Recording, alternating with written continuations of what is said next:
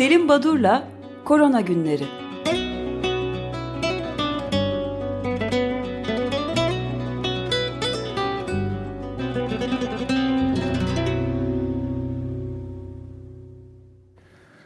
Günaydın Selim Badur, merhabalar.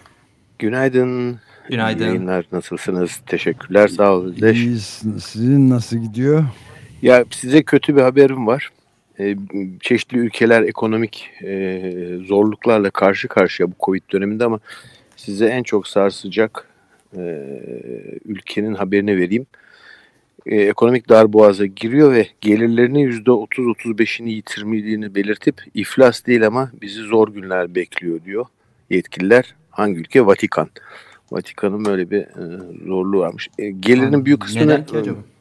Müze geliri varmış. Gelirlerinin büyük kısmı müzeler kapalı ondan. Çünkü benzer bir sıkıntıya Suudi Arabistan da girmiş durumda. Hatta ilk kez tarihinde KDV e, almaya başlayacakmış bir dizi üründen. Hani artık petrole bağımlı bir ekonomiden çıkmamız lazım diyorlar.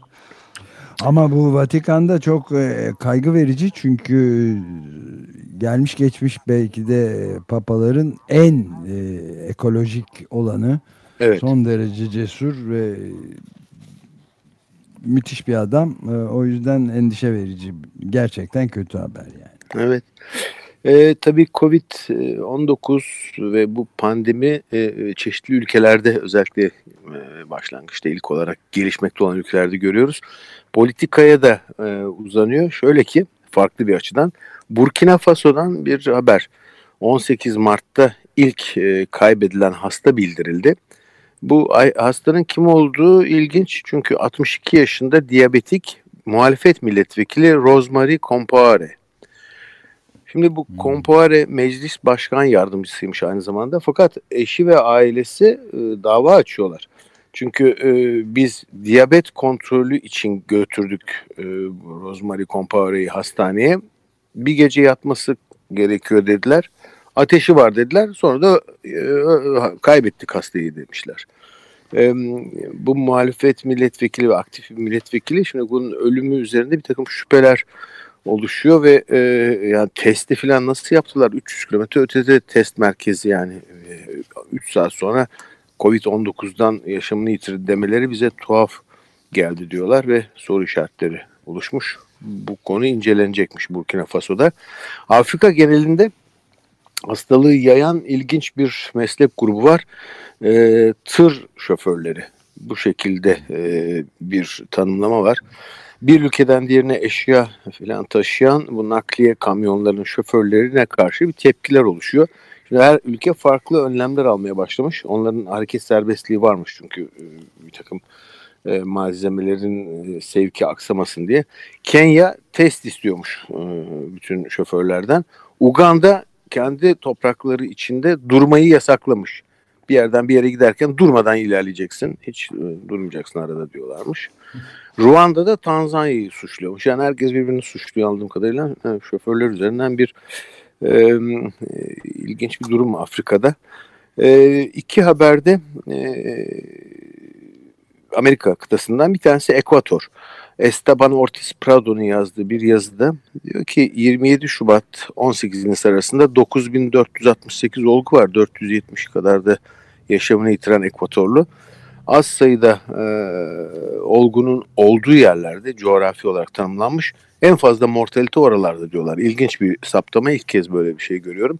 Hangi şehirde hangi kasabada çok az sayı varsa en fazla ölüm de orada oluyormuş. İlginç.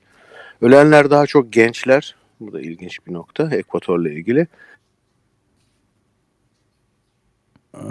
Bir Evet, bağlantı düştü sanırım. bağlantı kopukluğu oldu galiba. Evet ben de o zaman e, şeye de devam edeyim tekrar bağlanana kadar. Tekrar bağlanabildi mi acaba? Yok. Afrika'da ciddi bir e, yayılma e, var. İlk defa bazı ülkelerde görülüyor. Ayrıca Afganistan'da da e, şimdi artmaya başladığı vakaların görülüyor. Yani bazı yerlerde azalırken ve e, plato yaparken bazı yerlerde de çok yoğun bir e, şey var. Mesela Amerika Birleşik Devletleri'nde Navajo birincil uluslardan yani yerli ulusların Kızılderililerden Güneybatı'da e, sınır tanımayan doktorlar artık doktorları gönderdiler Navajo'da. Yüzden fazla insan ölmüş durumda. Ve ilk defa e, bu insani yardım kuruluşu e, sınır tanımayan doktorların e, bir e, Amerika Birleşik Devletleri toprakları içinde ilk defa yardıma gittiği e, söz konusu oluyor. Brezilya'da da e, rekor kırılmış Covid-19 ölüm oranlarında. E, Salı günü en ölümcül gününü yaşıyor ve 880 yeni Covid-19 vakası e, vaka değil ölüm olayı 24 e, saat içinde e, şey yapılmış. Zaten Brezilya bütün reddetmesine bir şey olmaz demesine rağmen Latin Amerika ülkeleri arasındaki en ağır şekilde vurulan ülke pandemiden ve dünyada da 6. en çok etkilenen ülke 178 binin üzerinde vaka var ve 12.500'e yakında 12.400'ün üzerinde de e, Jair Bolsonaro hiçbir şekilde pandemi yok demesine rağmen devam ediyor. E, bu tür uygulamalar için hep hani konuşuluyordu. E, muhtemelen hükümetlere davalar açılacak diye. Sanırım bunların ilki olsa gerek. İspanya hükümetine dava, toplu dava açılmış. İspanya'da e, bir dönem e, oldukça kötü etkilenmişti ki orada bir yeni sol e, koalisyon vardı. Podemos'la e, Sosyalist Parti bir koalisyon kurmuşlardı. Heh, bu arada Selim Bey geldi galiba. Bağlantı evet. O zaman sizinle devam edelim. Biz nasıl e, konuşuruz. Peki özür dilerim e, bir kopuk oldu bağlantı. Nerede kalmıştım acaba? Ben çünkü konuşmaya devam ediyordum farkında olmadan. Ee, Ekvator'dan bahsettim. Evet, Brezilya'dan bahsettim. Ekvator'dan bahsettiniz. Ekvator'dan e, bahsediyorduk. Tamam Brezilya'dan bir haber, e, bir rapor var. Onu da söylemiştim. Söylüyordum daha doğrusu. 155 bin kadar olgu, 10 bin kadar ölüm var ama hesaplara göre 9 misli e, gerçek sayılar bunun 9 misli e, diye belirtiliyor ve e, Brezilya için Imperial College 1 milyon enfekte kişi öngörüyor. Tabi buradan misliyle ifade edilen gerçek rakamlara bir örnek de ülkemizden verebiliriz.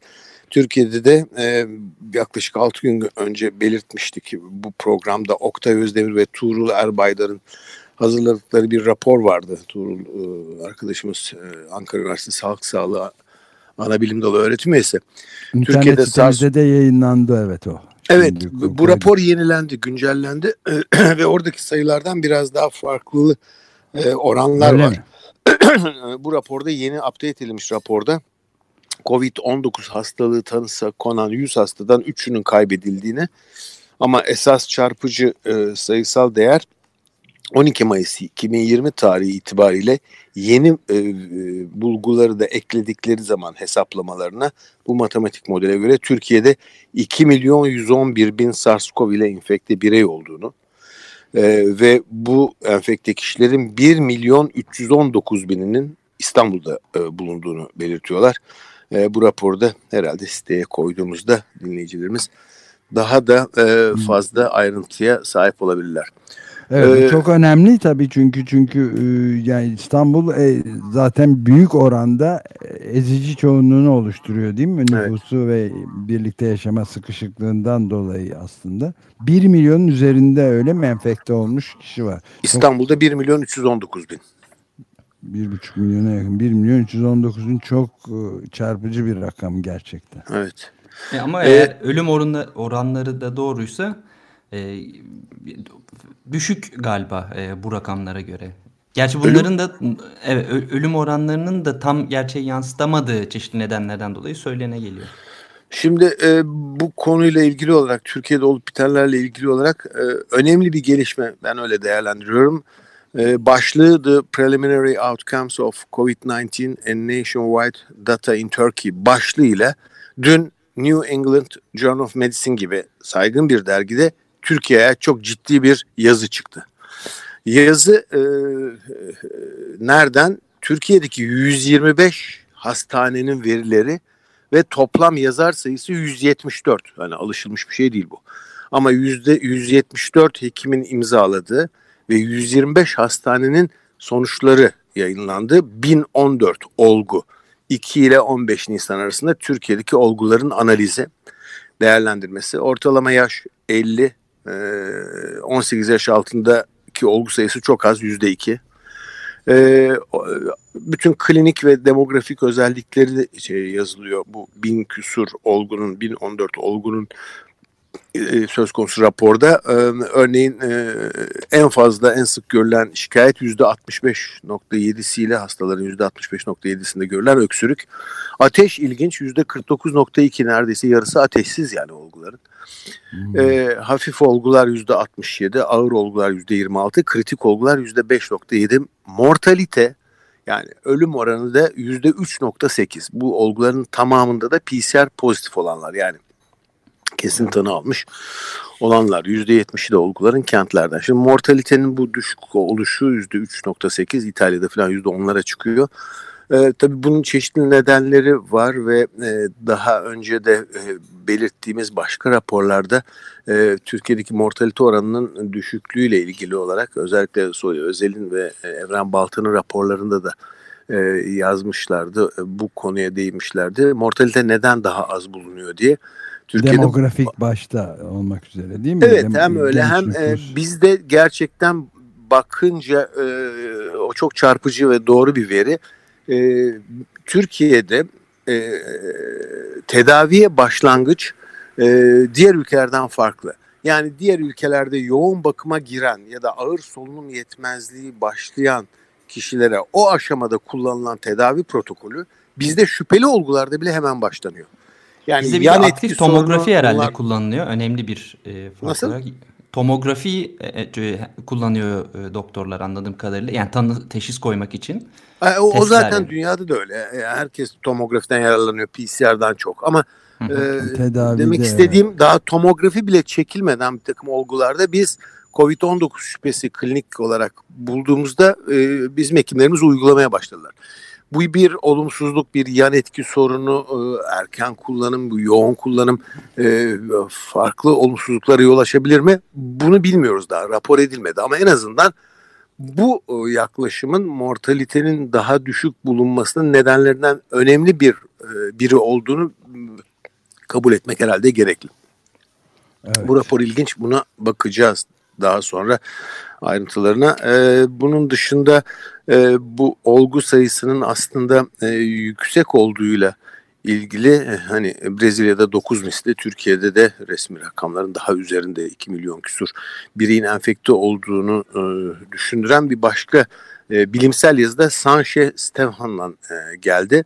Rho değeri dediğimiz yani bir enfekte bireyin kaç kişiye hastalık bulaştırdığı oranı e, genel olarak e, COVID-19 için 2.2 ile 2.7 olarak kabul edilmekte. Yani bir hasta ikiye de bilemediniz üç kişiye bulaştırır diye ama e, bir hesap yapmış Sanchez, Stefan ve arkadaşlar diyorlar ki bu doğru değil diyorlar.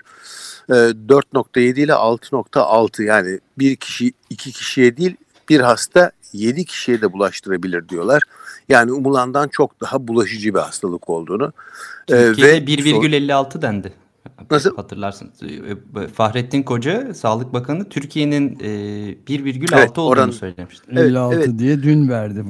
Evet. BBC Türkçe'den Fundanır Öztürk'ün sorusu. Evet ama işte bu çalışma hani bunun e, değerlendirmeyi farklı bir yaklaşımla daha yüksek bulmuşlar ve sonuçta da diyorlar ki bu, bulaşılan umulandan çok daha bulaşıcı olması nedeniyle sadece sadece sosyal medya ve karantina bu hastalığın yayılımını engelleyemez diyorlar. Ee, spasyotemporal datalar ile hesaplamışlar.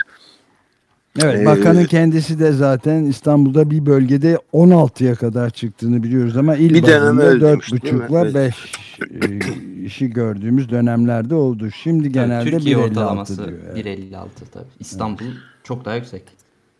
Evet, e, Filistin'den bir çalışma var. E, Filistin'e ait fazla haber gelmiyordu. O Said Elkser ve arkadaşları Filistin'deki sağlık çalışanlarının durumunu incelemişler. %27,5'u maskeye erişme imkanına sahip değilmiş. %90'ından fazlasının göz ve yüz koruyucuları ve N95 N95 maskeleri yokmuş. Yani koruyucu ekipmanları yok ki 7 Mayıs tarihi ilgili olarak bu Filistin'den 700 547 olgu vardı. Bir çalışmada Meredith Niles ve arkadaşları e, Covid-19'un gıda güvenliğine ve gıda teminine etkisini araştırmışlar. Vermont'ta 29 Mart 12 Nisan arasında. Evde izolasyon döneminin başında 3219 katılımcının %33'ü gıdaya erişim sorunu yaşadıklarını e, belirtiyorlar. E, food insecurity diye tanımlamışlar. Bunu da bu deyimi de fiziksel, sosyal ve ekonomik açılardan gıda maddelerine erişim e, incelemesi sonucunda saptamışlar. E, bunun dışında başka ne haber var diye bakıyorum. Amerika Birleşik Devletleri ilk, bu kez Çin'e aşı ve ilaç konusunda korsanlık yapmakla suçluyor biliyorsunuz. FBI ve Siber Security Ajansı e, somut bir kanıt olmadan da hani biz de biliyoruz bunu e, elimde ne olduğunu bilmiyoruz ama kesin bir şeyler oldu deyimini e, bu deyimi FBI ve Siber Security'de kullanıyormuş Çin'e karşı. Evet. E, bu Dünya Sağlık Örgütü'nün e, e, biraz önce de söylemeye çalıştığım koronavirüs hiç kaybolmayacak aslında demeci yorumu e, değerlendirmesi ilginç. E, HIV virüsüyle AIDS etkeniyle e, paralellik kuruyorlar ve nasıl HIV'le yaşamayı öğrendiysek, nasıl ona karşı ilaçlar geliştirildiyse, kaybolmadı ama hep var ise bu koronavirüste bu şekilde bir gelişme gösterecek diyorlar. Bu da ilginç bir nokta. Bir de son bir haber, gazete haberi. Akit TV Ankara temsilcisi şu yaşanan süreç sonunda 12 ada Girit, Libya, Musul, Kerkük, Kırım, Batı Trakya tekrar Türkiye'ye katılabilir demiş. Ee, böyle bir e, Nasıl anlamadım olabilirmiş. Bunu? Yani Efendim? bu si siyasi bir haber öyle mi? Evet, evet, evet. Böyle bir yorum var. Ee, ben yarın bir toplantı nedeniyle e, aynı çakışan saatlerde bir toplantıya katılmak zorundayım ve e, bu nedenle e, yarın sabah yapamayacağız. Pazartesi görüşürüz. Ama e, şu bilgiyi vereyim. Cuma günü gerçekleştirilecek saat 13'teki önce sağlık programında Profesör Doktor Feride Aksu tanık konumuz olacak. Aynı zamanda Bursa ve Samsun e, Tabip Odaları Başkanları Güzide Elites ve Doktor Murat Erkan'la mevsimlik işçiler ve Covid'i konuşacağız. Bu da e, fazla ele alınmayan e, bir konu herhalde dinleyicilerimiz çok önemli çekebilir. bir konu evet. Evet. İşçiler konusu tayin edici önem taşıyor şimdi özellikle bahar ve yaza girerken. Tabii bir de deplase oluyorlar farklı yerlere gittikleri için e, hastalığın yayılmasında da önemliler ki evet. Rize'ye örneğin çay toplama için izin çıktı özel biliyorsunuz gittiler falan. Önemli bir nokta. Haberler bu kadar. Ancak pazartesi görüşürüz.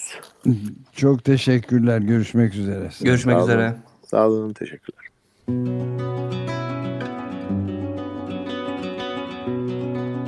Selim Badur'la Korona Günleri.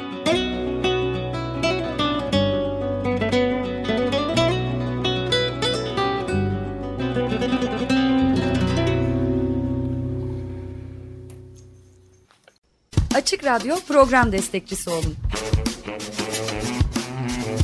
Bir veya daha fazla programa destek olmak için 212 alan koduyla 343 41 41.